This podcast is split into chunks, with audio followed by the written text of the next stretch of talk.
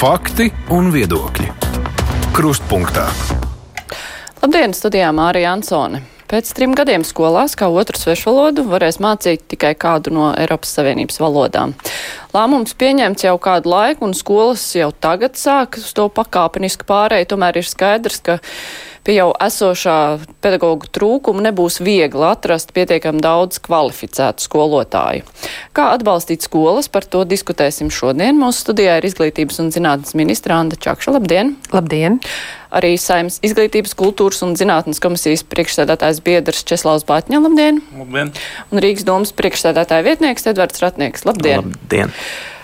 Vai ir zināms, kā skolām šobrīd sokas ar to pakāpenisko pārēju? Ir skaidrs, ka izglītības ministrija jau veic tādas aptaujas par to, kādas valodas gribētu skolas mācīt, cik pedagogu ir, un tagad uh, ir pagājuši mēneši, un skolas ir tā kā jau daudzas sākušas apzināt savas iespējas nomainīt krievu valodu uz kādu citu valodu. Vai ir kaut kādi dati jau zināmi, nu, kā tas process ir pavirzījies uz priekšu, un vai mēs paspēsim tādā tempā pēc tiem trim gadiem nonākt līdz eh, tam, ka visas skolas varēs to otru svešvalodu pasniegt Eiropas Savienības valodu?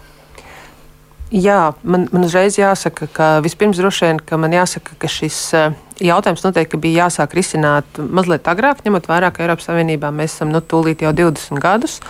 Un, uh, patiesībā, uh, nemācot šo otro valodu, Eiropas Savienības valodu vai turpinot mācīt krievu valodu, mēs diezgan skaidri ieliekam daļu savu iedzīvotāju jau informatīvajā telpā, kas vairāk ir balstīta uz krievu ziņām.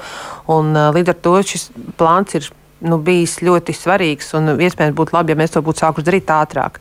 Bet runājot par to, kā to sasniegt, īpaši, ja mēs raugamies teiksim, šajā mācību gadā no 668 skolām, tad, tad principā puse 320 skolās otrā uh, svešvaloda bija krievu valoda. Tātad tas ir pietiekami liels skaits, ja mēs runājam, ka tā ir puse. Uh, un uh, tas izaicinājums. Uh, trīs gadu laikā pāriet, vai tātad pēc trīs gadiem nonāk pie tā, ka otrā svešvaloda ir eh, kāda no Eiropas Savienības valodām, vai arī tātad ekonomiskā zonas valodām, kas varētu būt arī norvēģu valoda. Eh, pirmais un svarīgākais ir skolotāju skaits, un mēs jau šobrīd esam sastādījuši to ceļa karti, eh, kā nonākt līdz tam, lai pedagoģi būtu sagatavoti. Uzreiz par to, cik tad ir skolotāju, tātad nu, vislielākais skaits, protams, ir angļu valodas skolotāji, bet tā mums iet jau kā pirmā svešvaloda. Tur ir 2,5 tūkstoši, vai precīzi tie 2659 uh, skolotāji, kas, kas atšķirās gan tās slodžu likmes. Nu, tad, tad fiziskās personas no likmēm atšķiras. Tad otrs lielākais skolotāju skaits ir Krievu valodai, kas ir 1183, tad nākamais ir Vācu valoda, tie ir 562, un Franču valodā jau tie ir tikai 88, Spāņu valodā 26 un tālāk jau vēl uz vienas rokas pirkstiem saskaitām skolotāji. Un, uh, ceļa kartē mēs esam ielikuši vairākas lietas, gan uh, sadarbību ar uh, ar, ar vēstniecībām, kas nu, galvenie sadarbības partneri ir Vācijas vēstniecība un Franču vēstniecība, kur mēs esam salikuši kā trīs gadu laikā, gan ar saviem resursiem, tātad pārkvalificējot eh, vai mācot papildus klāt kādu no uh, valodām, liekot klāt tātad paaugstinātās mērķa stipendijas 300 eiro apmērā. Tātad uh, nosakot, ka tā ir viena no prioritārām pedagoģu grupām bez STEM un latviešu valodas skolotājiem, kas arī ir tās grūtās vietas, arī tātad gatavojot jau svešvalodu skolotājus. Tad arī mācību spēkā eh, nu, vakar atklāja eh, jauno mācību spēku ceturto sezonu, teiksim tā, tur ir 33 valodu skolotāji, kas ir eh, kā, novirzījuši sevi valodai. Un tad runājot arī par to, par vēstniecībām, tad Vācijas vēstniecība redz arī finansiālu atbalstu, kā sniegts ar Gētas institūtu, apmācot 30 pedagogus gadā. Tātad tas ir trīs gadu posmā, tie ir 90 pedagoģi. Kopumā tas skaits, mēs redzam, ir sasniedzams. Tas būs grūts un intensīvs laiks, kā to skolotājus salikt kopā, bet nu, mēs redzam, ka tas ir izdarāms. Par Rīgu vai ir kaut kādi dati zināmi, cik skolas, nu, teiksim tā, varbūt atsakās jau no krievu valodas kā otras svešvalodas, jo viņi jau, jau ir atraduši risinājumu? Tātad šos konkrētos datus mēs zināsim aptuveni augusta vidū. Droši vien kā arī izglītības ministrija aptuveni tieši tik, tad, tad pat arī visu varēs pateikt. Bet šobrīd, kam es gribu pievērst uzmanību, to, ka tiešām ir jāmazina tā tad krievu valodas vidi Latvijā un dominance. Un, uh, ir skolas, kas, piemēram, māca uh, pirmo svešu valodu, nevis angļu, kā tiešām, kā ministrs kundze teica, tad um, ir, kas māca tātad franču valodu, franču licejā, Agenskalna sākuma skolā jau no pirmās klases, un arī Herdera Rīgas Riziņkalna vidusskolā māca vācu valodu. Tā tad ir vairākas, vairāki veidi, kā to, kā to veicināt. Bet tās ir dažas skolas. Tomēr mums ir jārunā ir par to jā, par, jā. par lielāko kopumu. Bet vai ir skolas, kuras jau ir spējušas atteikties no krievu valodas kā otras svešvalodas? Um, es tagad uzreiz. Jā, tā, to mēs sapratīsim. Pirmkārt, jau nu, mēs to salīdzinoši nesen valdību veidojot, ierakstījām valdības deklarācijā. Uh, es teiktu, ka, ja kādas skolas jau ir orientējušās un izdarījušas šo, tas ir tikai apsveicami. Bet uh, ko mēs piedāvājam, kā mēs to taisāmies veicināt, tā tad šajā gadā mēs esam finansējumā Rīgas domas budžetā paredzējuši ap 160 tūkstošiem, kas būtu paredzēts skolotāju pārkvalifikācijai. Tā tad eh, nav gluži tā, ka skolotāji, kas māca kādu citu priekšmetu, vairs nav gaidīti skolā, ja nu gadījumā viņiem tur vairs eh, nav attiecīgais priekšmets. Tātad tur to varētu darīt. Savukārt, eh, Es kā Rīgas domas amatpersona atbildīgais par, arī par izglītības jautājumiem, tad esmu iesniedzis priekšlikumu gan ministrijai, gan saimnes atbildīgajai komisijai uh, izvērtēt iespēju, tātad ieviest normatīvos aktos un atteikties no uh, latviešu valodas uh, pārbaudes uh, tiem tātad Eiropas Savienības pedagogiem un pedagoģijas studentiem, kas dzīvo Latvijā un varētu pasniegt bērniem otro svešvalodu savā dzimtajā valodā. Kāpēc tieši šāds izņēmums? Tādēļ, ka svešvalodas mācīšana pedagoģija pedagoga dzimtajā valodā ir atzīta pedagoģijas prakse pilnīgi visā pasaulē. Ja, Tātad mēs eh, nomazinot kādus birokrātiskos šķēršļus, ātrāk varētu nonākt pie tā, ka uh, tomēr būs kāda paudze, kas nemācīsies krievu valodā. Tātad eh, katrs gads, ko mēs ielaižam, mēs joprojām nostiprinām šo te, uh, krievu valodas vidi Latvijā. Jā, par šo priekšlikumu arī mazliet vēlāk runāsim. Batņas kungs, klausoties tos plānus, kādi ir iecerēti, nu kā tad eh, panākt, lai šie pedagogi tiktu sagatavoti. Vai jums tas šķiet pietiekoši? Jo pagaidām mēs redzam, ka, nu, teiksim tā, sadarbībā ar vēstniecībām tie ir eh, daži desmiti augstākais eh, pedagogu, kurus varbūt izdosies sagatavot, jo valodas apguve arī nav tāds ļoti īslaicīgs process. Uh, vai izdosies, kā jums šķiet, jo te mēs redzam, ka runa ir par tūkstoši, nu, vairāk nekā tūkstoši pedagogiem, kuri būtu jāizvieto šie krievu valodas pasniedzēji. Nu, jāsāk ar to, ka vispār par pedagoģu vakancēm un konkrēti par valodu pedagogiem mēs arī komisijā divas, eh, divas reizes diskutējām. Jā, izglītības un zinātnes ministrijai ir plāns, manuprāt, uh, Man, man reizē bažas, ka nepie, jūs pareizi priecājat, mums vajag tūkstoti, bet uh, tie gausie tempi ir bišķiņi pa pa gausu. Bet uh, man šķiet, ka mēs arī aizmirstam vēl situācijas, ka, piemēram, uh, Latvijas reģionā es varu to atbildīgi pavisam teikt. Manā māsā ir vācu valodas skolotāja, un viņai pēdējos piecos gados no pilnas slodzes, nu, kontekststundu skaits 24, ir samazinājies kontekststundu skaits Ludzā līdz 12 kontekststundām vācu valodā. Tieši. Un kāpēc? Tāpēc, ka liela daļa izvēlas krievu valodu. Un vēl kas ir būtiski. Bet viņi, viņi nevarēs vairs bet, izvēlēties. Šeit ir stāsts par to, ka būtiski, ka pedagoģi Ludus novadā ir palikuši viņa vienīgā, kas māca vācu valodu. Tas nozīmē, ka daļa pedagoģi ir aizgājuši no sistēmas, jo viņiem nav pilnas slodzes darbs. Un šeit būtu svarīgi apzināt šos pedagogus. Iespējams, ja viņiem būs konkurētspējīga alga, ka viņiem būs pilnas slodzes darbs, tad viņi varētu atgriezties atpakaļ nu, sistēmā. Nu, tas, tas jau arī vien... viņiem tiks garantēts, un eh, tas jau Jā. droši vien ir pašvaldības uzdevums apzināt nu, šos nu, pedagogus. Kāpēc pašvaldības? Tas ir arī ministrijas kaut kāds statistiskais datums. Pašvaldībai viņi ir tuvāk. Jā, nu, ziņā. iespējams. Bet otrs, ko es gribētu, jā, mēs arī tikāmies kā komisija ar Vācu vēstnieku pētnieku. Viņš caur Gētas institūta dažādas iniciatīvas teica, ka var īstenot, bet, manuprāt, mums šobrīd ir arī, nu, teiksim, Latvijā notiek augstskolu konsolidācijas process, un, piemēram, ja pievienojot kādas arī pedagoģiskas augstskolas Liepājas universitāti kādai universitātei un veidojot šos konsorcijus, man šķiet, ka mums valstī kaut kādā veidā jāinvestē papildus finansējums starptautisko programmu īstenošanai tieši filoloģijā, skolotājus. Nu, nezinu, ņemam Franciju, ņemam Vāciju, veidojam kopīgas programmas, bet neapšaubāmi tie jaunieši, kas, piemēram, Vācijā mācīsies vācu valodu ar iespēju Latvijā viņu pasniegt, ka viņi nebrauks uz šejienu par šo samaksu. Un šeit jābūt atbalsta mehānismam, lai mēs viņus ieinteresētu. Bet tas ir viens ceļš, kā augstskolām iedot stimulu, sagatavojiet gadā vai pēc diviem gadiem mums 200, piemēram, nu, 200 pedagogus, un jums būs papildus finansējums. Un, ticiet man, augstskolas būs ieinteresētas apgūt šo finansējumu un meklēs šīs iespējas uz starptautisko sadarbību. Šis ir, manuprāt, viens ceļš, par ko mēs vispār neesam diskutējuši. Jā, Čakas kundze, es jau vaicāju Batņas kungam šo nu jā, uzvedinošu jautājumu par šo pedagoģu skaitu teiksim, pārkvalificējot, izmantojot vēstniecību kursus vai citus kursus. Tā viena lieta ir pārkvalificēt pedagogus, kas nozīmē, ka nu, varbūt kādam ir valodas priekšzināšanas, bet iespējams, ka nav. Un valoda apgūt pietiekamā līmenī, lai varētu mācīt tālāk bērniem, nu, tur iespējams, es tā pieļauju, ka ar vienu gadu varētu arī nepietikt. Tajā pašā laikā ir diezgan daudz uh, valodas pratēju Latvijā, kuri savukārt nav pedagogi. Uh, uz ko mēs vairāk orientējamies? Uz esošo pedagoģu pārkvalifikāciju vai uz to, ka šos valodas pratējus mēs pataisam par pedagogiem, sniedzot viņiem kaut kādu iespēju iegūt pedagoģisko izglītību. Tas, ko es teicu, patiesībā mēs šobrīd skatāmies uz pilnīgi visām iespējām. Jo mācītspēks jau būtībā ir tas, kurš paņem tos cilvēkus, kam ir kādas citas profesionālās iemaņas, un nu, šajā gadījumā viņi iespējams ir valodas zinātāji. Un, kā jau es teicu, tad šajā mācītspēka 4. kursā ir no 90, 33 cilvēki izvēlējušies tieši valodas, ko viņi varētu mācīt. Maz. Tas ir maz, bet ir jāsaprot arī, nu, Batņas kungs saka, lēni.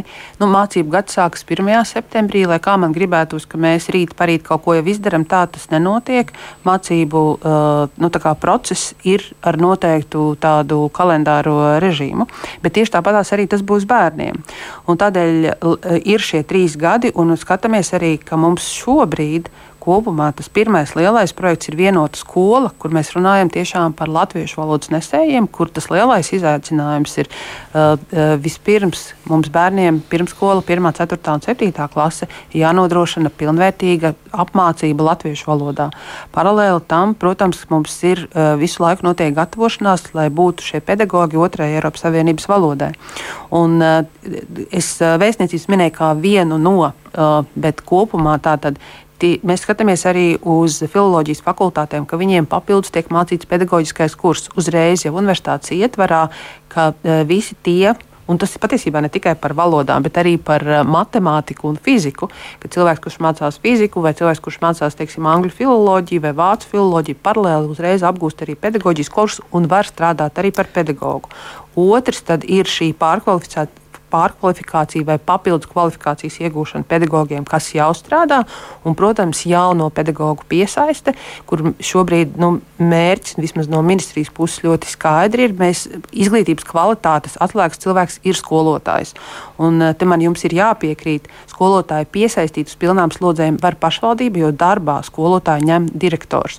Un, uh, tur Baķis kungam tiešām ir taisnība. Šobrīd, teiksim, tādā franču valodā mums ir 88 pedagoģi uz 31 slodzi kas nozīmē, ka tās slodžu daļas ir ļoti mazas. Šo valodu izvēlās šobrīd vēl salīdzinoši maz.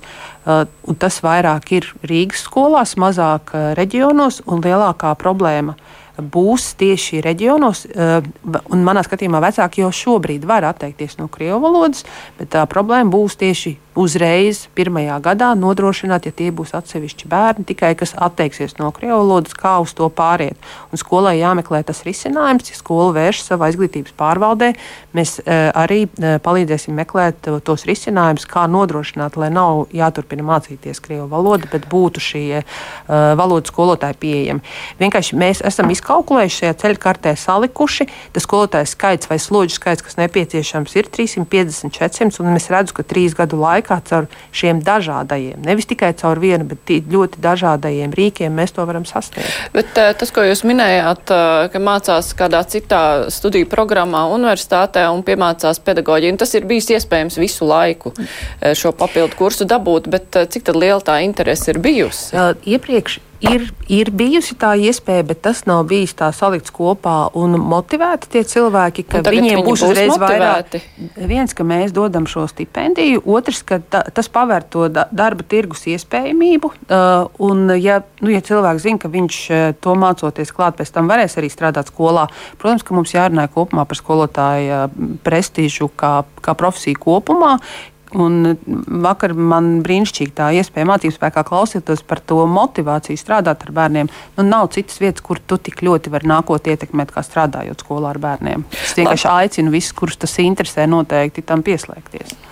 Nē, nu, redz, šeit ir eh, daudzas idejas, ko arī ar augstskolām, ar Latvijas universitāti ir runāts. Piemēram, mums ir filozofijas programma, kur beidz filologi bez pedagoģiskā modeļa. Šeit ir jāintegrē tas pedagoģiskais modulis, lai viņi varētu uzreiz strādāt, bet kredītpunkti neatļauj. Līdz ar to mums jādomā mehānisms, kā to izdarīt. Vēl viena lieta, pavisam eh, nu, nevis spontāni par to arī tika diskutēts komisijā, bet man liekas, ka nu, nesaklausīja. Man šķiet, ka tieši, piemēram, ja mums pēc trim gadiem jābūt šiem pedagogiem, pedagogiem, otrās svešvalodas. Augstskolas, es domāju, būtu gatavas izveidot divgadīgās apmācības programmas. Nu, pieņemsim, pirmā līmeņa, kad viņas pēc diviem gadiem pabeidz, viņiem ir intensīvs pedagoģi metodiskais eh, nu, teiksim, mācību apjoms plus eh, valodas, un pēc diviem gadiem viņi kaut vai saņem kaut kādu pirmā līmeņa augstāko izglītību vai otrā ar kaut kādu nu, pazeminātu kredītpunktu, un tad viņi jau var sākt mācīt skolā, tie pedagoģi būtu būtu. Un plus tajos trešos, trešajā, ceturtajā gadā viņiem, piemēram, kā mācības spēkā ir vienreiz nedēļā apmācības, nu, pieņemsim, piekdienā vai sestdienā, un viņi vēl saņem stipendiju. Un tas jau būtu bonus, kas būtu. Šeit, man liekas, mēs nevaram darīt pa vecam, kā mums bijis. Mēs sagatavojam mācības spēkā, mēs universitātēm, mums tur katru gadu iziet 50 valodas skolotāji.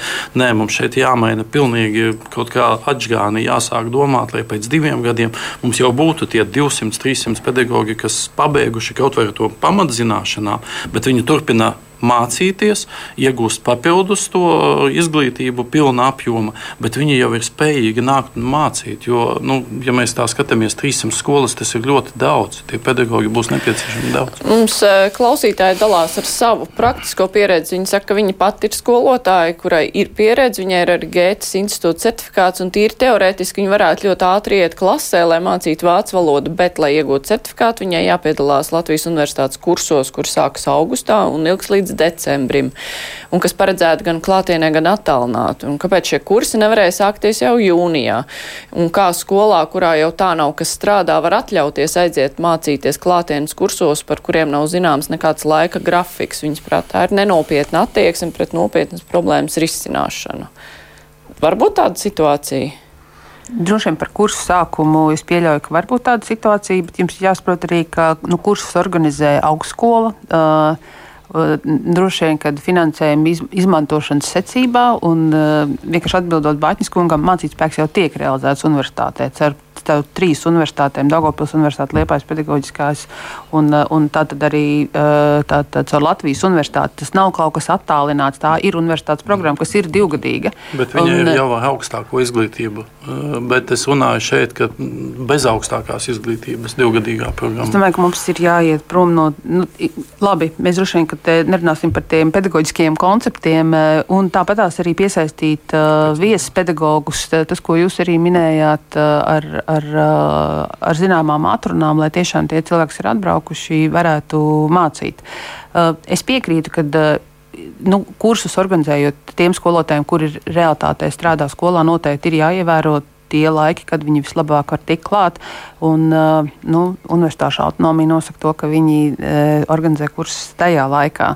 Es domāju, ka ir vairāk ir jādomā par pašiem pedagogiem. Mēs redzam arī, ka latviešu valodas apmācība šobrīd, ko mēs organizējam, un nometnes, kas ir augustā, manā skatījumā Tas bija jādara vēl agrāk. Arī latviešu valodas pedagogiem, tie, kas šobrīd uh, strādās vienotā skolas konceptā, noteikti bija jāgatavo daudz ātrāk, redzot darba tirgus pieprasījumu pēc ļoti dažādām profesijām. Un skolotāju profesijas algas nekonkurēt spēju starp dažādām profesijām. Es domāju, te ir daudz atbildes arī tajā. Jā. Jā, manuprāt, šeit patiesībā ļoti, ļoti iegrieza tas, ka budžets tika pieņemts salīdzinoši vēlu, bet nu, tas ir saka, pilnīgi, pilnīgi visiem liela problēma. Piemēram, Rīgā mums ir, mums ir jāatjauno gan skolēks, lai šīs reformas varētu notikt veiksmīgāk un ātrāk, un, un arī tur mēs saskaramies ar dažādām, dažādām, dažādām, dažādiem ievērojumiem tādiem šķēršļiem. Daudzas pašvaldības tiem saskars, bet nu, es domāju, ka ar Čakšas kundzi mēs vēl atradīsim kopīgi tam risinājumu. Savukārt par, šo, par šiem viesusskolotājiem, jā, arī Rīgā dažās no tātad skolām ir skolotāji no ārzemēm. Un, piemēram, Rīgas valsts vācu ģimnāzijā uz ilgadējas sadarbības pamata strādā atsevišķi pedagoģi no Vācijas. Ir arī viesu skolotāji no Rīgas, Itas, eh, Rīgas Itas Kozakēvičas poļu vidusskolā un Rīgas lietuviešu vidusskolā. Tā kā pilnīgi visi, visi instrumenti un iespējas ir jāizmanto. Un, un, ja tur Es pieļauju, ka arī tie pedagoģu kursi uh, varētu būt ar nobīdi tādēļ, ka attiecīgi budžets ne, nav bijis pieņemts. Līdz tam brīdim, kad tas aiziet līdz augstskolai, visticamāk, ka tur ir tas savs laiks vajadzīgs. jautājumu, ka skolas ir ļoti elastīgas un ir gatavas pielāgoties. Ja tie kursi iekrīt kaut kādās dienās, konkrētās skolas sastāda savu grafiku. Nu, tas ir tad, ja skolai nav pedagoģa trūkums, jā, jā, kur skolotāji visu laiku aizvieto, bet tomēr es par šo viešiem viesu skolotājiem no citām valstīm. Viena lieta ir, ja skolai ir jau jau vēsturiski sakari ar kādu valsti, un viņi var sarunāt sev kādu viesu skolotāju. Bet, ja mēs tā plaši skatāmies, vai nu, ar ko mēs varētu piesaistīt, interesēt šos skolotājus eh, no citām valstīm, Jā, nu tie, manuprāt, varētu būt arī ārzemju studenti, kas ir. Uh... Bet vai viņiem būs pietiekošas prasmes pedagoģijā? Jo mums arī klausītājs raksta, nu viena lieta, jā, labi nebūs pārkvalificētie valodu skolotāji, bez labām valodu zināšanām nevarēs kvalitatīvi iemācīt saturu, bet labie valodu pratēji netiks galā ar skolēniem. Šis būtu tas otrais gadījums. Jaunietis, tā viņam dzimtā valoda, bet vai viņš mācēs mācīt?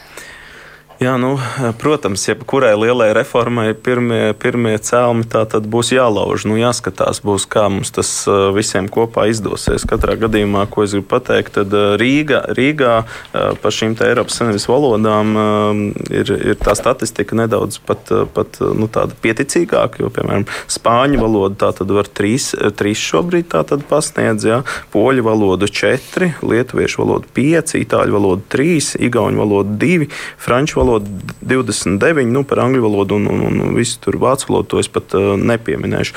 Bet jā, nu, tā, tā, jebkuri resursi ir jāizmanto. Uh, es nezinu, nu, jāskatās, protams, arī uz ministriju, kā, kā, vērtēs, uh, kā vērtēs šo te, mūsu priekšlikumu. Uh, vai, vai... Tas ir interesanti, ka tas ir nācis tieši no Nacionālās apvienības puses, jo Nacionāla apvienība līdz šim ir ļoti stingra bijusi, lai šīs pamatlietas, fundamentālās lietas, kā valsts valodas zināšanas tiek ievērotas arī arī augstākajā izglītībā, par ko ir ļoti daudz šķēpi lausti. Tur nekādā gadījumā piekāpšanās tā tad bet, nav paredzētas, bet, bet, bet šeit. Kāpēc tāda divkārša pieeja tādā gadījumā, jo, jo augstskolām arī ir racionāli argumenti, kāpēc viņām vajag piesaistīt ārvalstu mācību spēkus? Jā, nu, valodas skolotājs var, var mācīt savā dzimtajā valodā, īpaši, tie ir Eiropas Savienības tātad, valstu pilsoņi, tātad to var darīt.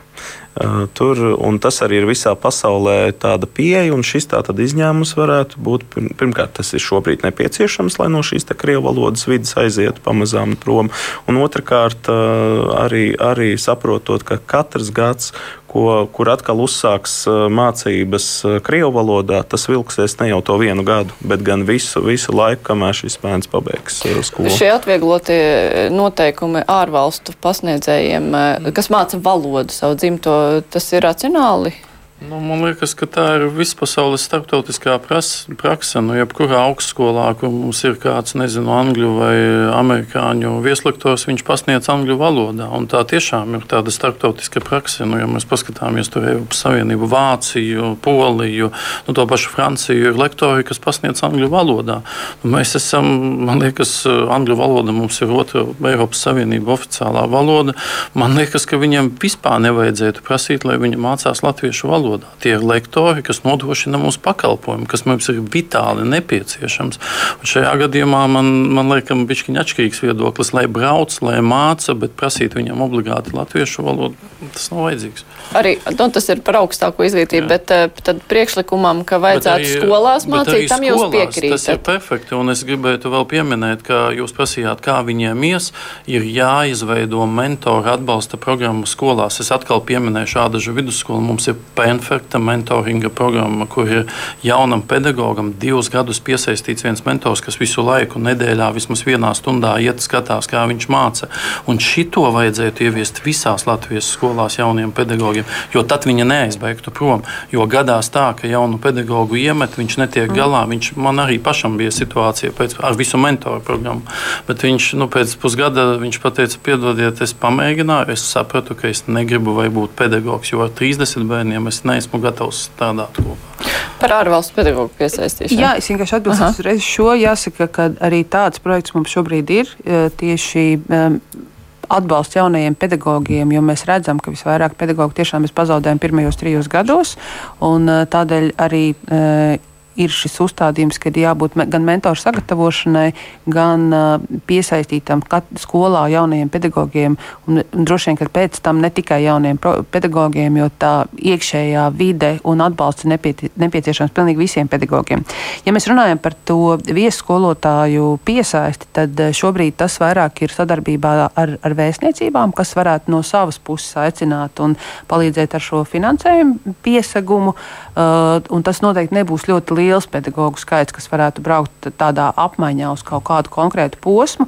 Man liekas, ka tad, kad mēs aicinām skolotājus uz konkrētu laika posmu, te nebūtu runa par latviešu valodas prasmēm, jo pat runājot, teiksim, augstākajā izglītībā, nu, mēs šobrīd runājam par tenūras profesoriem, ja tas ir uz vienu ciklu, mēs uh, ejam uz likumdošanu, ka mēs neprasām šajā vienā ciklā, kur mums ļoti skaidri ir vajadzīga kādas jaunas skolas ieviešana, nu, jauna zinātnes virziena attīstība, ka mēs prasītu uzreiz latviešu valodu valodu, tad reāli mēs nevienu no ārpuses vispār nedabūtu, ja viņam uzreiz būtu jānokārto šie valodas eksāmeni. Bet uh, droši vien, ja cilvēks nolēma palikt Latvijā, uh, tad es redzu, ka pēc zināma cikla, protams, ka latviešu valoda, kā uh, valsts valoda, dzīvojot Latvijā, vienkārši jebkuram vienkārši ir praktiski vajadzīga. Nu, nē, es vienkārši domāju, vai nu, šī otrās, palikt, skatos, bet, bet nē, vai šīs otrās svešvalodas mācīšana nepaliks tāda, nu, tā kā pabērna lomā, nu, tur atbrauks uz kaut kādu laiku, mm. kāds pamācīs, kuram nav pedagoģiskās izglītības, tikai tāpēc, ka viņš ir kaut kāds ārzemes students, kuram tā ir mm. dzimtā valoda, vai nebūs tā, ka, nu, ka, ka tā otrā svešvaloda svešvaloda visu laiku būs tā no pedagoga uz pedagoga, un ne, tie nē, tur mainīsies. Es patiešām negribētu domāt, ka tie ir tādi e, jaunieši, nu, un, un zinām, ka jaunieši reizēm izmanto, bet tā ir tāda biedru, tāda, nu, pierstu pieras mācīšanās vai sarunu kluba stila mācīšanās, bet, ja mēs runājam tiešām par pedagoģiskajām prasmēm, iedot valodas zināšanas, tad tur ir jābūt uh, pedagoģiskajām prasmēm, kā mācīt valodu. Mēs redzam, ka ir skolas, kas izmanto teiksim, uh, ārzemju pasniedzējus attālināti, ka šis pedagogs māca no kādas citas valsts, un tie ir arī diasporas uh, mūsu uh, pedagogi, kas var pasniegt uh, nu, savas mītnes zemes valodu, kas viņiem ir jau, jau kā dzimtā valoda, kas, jā, tas nav tā kā tas nav, nav bāzē, bet jā. mēs runājam par to pārejas posmu, kamēr mēs sagatavojam visus šos pedagogus, jo te papildus ir jārunā arī par nu, adekvātiem šādiem digitālajiem rīkiem, mācību saturu, lai arī e, skolēns pats var virzīties uz priekšu. Mēs redzam, cik labi šobrīd palīdz dažādi digitālie rīki, kas jau palīdz apgūt valodu. Skolotājs kā nu, tāds procesa palīgs apgūt šo valodu noteikti ir vajadzīgs. Vēl viena diskusija jau ir par to, vai to sākt 4. klasē vai 5. klasē. Ņemot vairāk 4. klasē, tā ir tikai viena stunda. Tur vēl mums jātiek līdz uh, tam, kas tad būs standartā. Iekšā. Bet uh, mums ir kaut kādas prioritātes, nu, kādas valodas mēs gribam mācīt, jo ir ļoti bieži izskanējis, mums ir kaimiņi, lietuvieši un igauņi. Mācību materiāli nav vienkārši nav Jā. pieejama. Lai gan tās būtu valodas, kuras eh, daudzi varbūt arī gribētu mācīties, īpaši kaut kur pierobežā. Nu, labi, tur varbūt cilvēki vienkārši saziņā apgūst. Tajā pašā laikā, nu, kurās programmās, kurām valodām mums vispār vēl ir tie mācību materiāli, vai arī tas būs tā pedagoga ziņā kaut ko atrast un tālāk mācīt? Es, es teiktu par mācību materiāliem, piesaistot konkrēto valsti, tā varbūt pat ir mazākā problēma. Eh, ja, bet, ja mēs skatāmies uz tām izvēlēm, ko izdara nu, vecāki vai vecāki kopā ar bērniem, tās eh, tomēr ir lielās Eiropas Savienības valodas, kā pirmās tiek saukta vācu, franču, spāņu. Tad uh, ir nu, tur, kur kā, nu, kā vairāk skatās uz lietuviešu un igauņu, runā arī par uh, poļu valodu, bet tie skaiti skaitļi e, ir stipri mazāki nekā lielajām Eiropas Savienības valodām. Un, e, nu, tādā tiešā kontaktā, kontaktā ar šīm valstīm ir iespēja iegūt un, un adaptēt mums šos e, mācību materiālus. Es teiktu, tas ir varbūt pat mazākā daļa. Kā ar to vajadzētu Nē, nu, iespējams, mums būtu vienkāršāk plānot, ja mēs nodefinētu, ka tās ir 4-5 valodas. Ja mēs tagad sakām, ka jebkurā Eiropas Savienības valodā nu, tas, tas bišķiņi sarežģīja situāciju. Ja mēs nodefinējam, ka tā ir angļu, vācu, franču, spāņu, nu, itāļu valoda, tad tas ir nu, bišķiņi arī, man liekas, plānošanas eh, darbs arī ar pedagoģu sagatavošanu būšu, būtu vienkāršāks. Bet eh, es domāju, ka šeit arī jāiesaista īstenībā pašvaldības, arī pašvaldības izglītības pārvaldēm. Viņām ir pietiekoši liela šobrīd autonomija, pietiekoši liela funkcija, un lai viņi, piemēram, arī pierobežas reģionā, nu, kur mums ir lietuviešu vai igauņi, tāpat ir valka, iespējams, valkā ļoti daudz ir gribējis mācīties igauņu valodu, un šeit jau ir sadarbība valkai ar valgu, ir tik, nu, elementāri pāriet pāri tiltam un pedagogus piesaistīt. Nu, tas arī ir risinājums, bet šeit, man liekas, arī nu, tādu jāpa, jāpaskatās strateģiski uz Latvijas karti, ko mēs vēlamies. Iespējams, arī Latvijas reģionā poļu valodu nu, daudzi izvēlēsies vai, vai ar lietuviešu. Tāpēc es teiktu, ka tas ir forši, ka mēs atļaujam jebko darīt, nu, mācīt šīs nu, 27 valodas mazāk.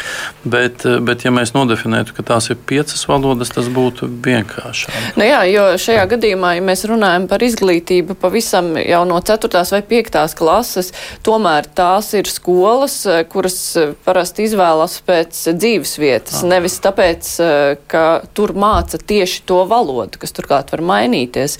Vai bērniem tiks nodrošināts līdzvērtīgas iespējas apgūt šīs valodas, kuras nu, vecāki uzskata par optimālām, lai viņam nav tā kaut kāda valoda jābrauc meklēt uz uh, citu skolu. Piemēram, Rīgā tas varētu arī būt uh, aktuāli. Kā to es pat teiktu risināt? tā, ka drīzāk es atstātu to skolas vecāku un bērnu ziņā uh, izvēles. Šobrīd jau arī teorētiski pastāv izvēles starp, piemēram, vācu vai krievu valodu. Bet tās izvēles ir šauras. Tieši diezgan. tā. Un es pat teiktu, pat ir vēl citādāk. Šī izvēle ir obligāti piespiedu kārtā. Piemēram, ja nav vācu valodas skolotāja, tad skolā attālākā reģionā tad vienīgā otrā svešvaloda būs krievu valoda. Līdz ar to tā ir, tā ir milzīga problēma. Bet eh, es neko sliktu nesaredzu, ja mācītu arī spāņu, itāļu, poļu. Tur nu, vēl kādas uh, zviedru, starp citu, arī Ziemeļvalsts gimnājā ir gan somu, gan zviedru, arī norvēģu valoda, dāņu valoda. Jā, tā tad... Bet tās, tās plašākās iespējas var droši vien, ka Rīgas skolas nodrošināt, tur vismaz skolotāji var varbūt mainīties pa skolām, bet kā reģionos? Ne, es teiktu, ka sta standartā būtu jāpiedāvā piedāvā otrajā, otrajā izvēlē nu, trīs, četras valodas. Jo tas, ja, ja mēs tā kā pasakām, ka tā ir tā izvēle, tas nozīmē, ka skolām ir jāpiedāvā pedagogi. Un tādā brīdī, nu, tad, ja mēs runājam par to, ka jābūt optimālam bērnu skaitam, lai tās, tā skolotāja atdeve būtu kaut cik efektīva, tad uh, runāt par nu, ļoti daudzu valodu izvēli tas nebūs skolās iespējams. Un es domāju, nu, šobrīd rakstot standārtu, vienkārši būs tā vienošanās par to, kuram valoda, kas tajā valodas grozā ir, kas kas ir jāspēj piedāvāt. Un es domāju, ka tajā bāzē ir tās biežākās izvēles - vācu, franču, spāņu un tad saprast, kur varētu būt kādi izņēmumi. Jo tiešām skolas, kas vairāk orientētas uz dažādām valodām, kā jau jūs nosauktās, protams, ka piedāvās citas tās iespējas, kur arī varbūt nu, vairāk ir orientācija uz šīm valodām. Bet tajā standarta programmā es teiktu, ka ir jābūt nu, salīdzinoši šaurai, bet pietiekamai izvēlei otrajai Eiropas Savienības bet, valodai. Kā tas iet komplektā ar teksim, skolām reģionos? It īpaši, ja mēs skatāmies uz sākuma skolām, kuras nu, ir ne nelielas joprojām varēs būt. Vidusskolu līmenis jau ir cits. arī reģionos varētu tomēr sagādāt grūtības, ja ir, teiksim, kaut kādā vienā diezgan lielā pašvaldībā tā viena skola, vai viņi tiešām spēs uzturēt uh, tos daudzos svešvalodu skolotājus, lai būtu piedāvājums, kuriem varbūt arī slodze nesanāks, jo viena, viens izvēlēsies to, otrs šito, un tad beigās būs tādas nelielas svešvalodu grupiņas, bet slodzes īsti nebūs. Nu, mēs šodien, šobrīd nonākam tajā vietā, kad mēs arī runājam par padziļināto kursu izvēli, izvēles iespēju, vai bērnam tiek piedāvāts tas, vairākas iespējas izvēlēties, vai tikai tas, kāds skolotājs ir, un tikai tādā komplektācijā, kā tas ir pieejams. Tādēļ mēs arī runājam šobrīd tādas eh, daudzpusīgas izglītības, kvalitātes izglītības kontekstā, kas ir tas, ko pašvaldība uh, nodrošina balstoties uz standartu, kas ir paredzēts. Un, uh, tādēļ arī ejot uz jaunu finansēšanas modeli, kas nosaka programmu finansējumu, paredzot iekšā to, to un to, nu, teiksim, valodu grozu izvēli ar konkrētu naudas apmaksu, un tad jau cilvēku piesaiste ir skolas direktora izglītības pārvaldes kopā ar pašvaldību uzdevums, kas arī šobrīd ir skaidri likumā definēts gan par kvalitāti, gan pieejamību. Šobrīd ļoti skaidri atbild pašvaldība. Nē, nu mēs, eh, es domāju, ka tā nebūtu problēma, ja mēs atkal domātu pie pedagoģa mobilitātes programmas. Ja, piemēram, mums ir novadā nezinu, viens vai divi franču valodas skolotāji, bet mums eh, nu, kaut vai nezinu, 50 km radiusā ir skolas, kur šis pedagogs ir vajadzīgs, tad neapšaubāmi viņu jāpieņem darbā, viņam jānodrošina nezinu, mašīna vai elektroautorāta, lai viņš apbraukā, un jānodrošina tā alga, kas ir piemēram pilsētas skolā. Un tas pedagogs tās nu, 3-4 dienas brauks apkārt pa skolām, tā nav problēma. Bet mums nav tās mobilitātes programmas, jo mēs šobrīd, ja pedagogu pieņem viena skola ar vienu algu, lauku skola ar otru algu, bet šeit tas arī būtu risinājums, ja tāda mobilitātes programma pašvaldībām būtu. Rīgā gan šī problēma no Rīgā, vismaz atkrīt. No Rīgā ir cita republika. No Rīgā arī savas problēmas, piemēram, ja skolai nepieciešams divas stundas nedēļā. Ja? Tātad, ja mēs vedam to uzskaitu, cik tad pedagogu mums trūkst, patiesībā jau nav tādas īsti atbildes, cik trūkst, jo, piemēram, ja vajadzīgs divas stundas nedēļā, tad, nu. Bet šis, man liekas, ļoti precīzi par to, kad mēs runājam par pašvaldības skolu ekosistēmu izglītības pārvalde skatās uz savām skolām, redz tās problēmas un skatās, kā var nu, kā mainīties ar resursu, vai kur, piemēram, minēja par franču valodu, vai vienalga arī atbalsta personālu, kur ir teiksim, mazāka vajadzība, kur vairāk vajadzība, kur uz vienu skolu vai divām var izmantot šo personālu. Bet tas ir pašvaldības lielais uzdevums redzēt un organizēt tajā savā skolu sistēmā to. To jau neviens cits nedarīs. Tāpat tās mobilitātes programma, tas ir pašvaldības uzdevums to savu resursu efektīvi izmantot. Jā, bet to, ka iespējams nāksies tomēr kaut kā mēģināt sakoncentrēties ap kaut kādām dažām populārākajām valodām, vedina domāt arī viens klausītājs vēstuli, kur raksta, kas notiks ar bērniem, kur maina dzīves vietu, ka jaunā skola var nepiedāvāt tādu otro svešvalodu, kādu bērns ir mācījies iepriekšējā skolā.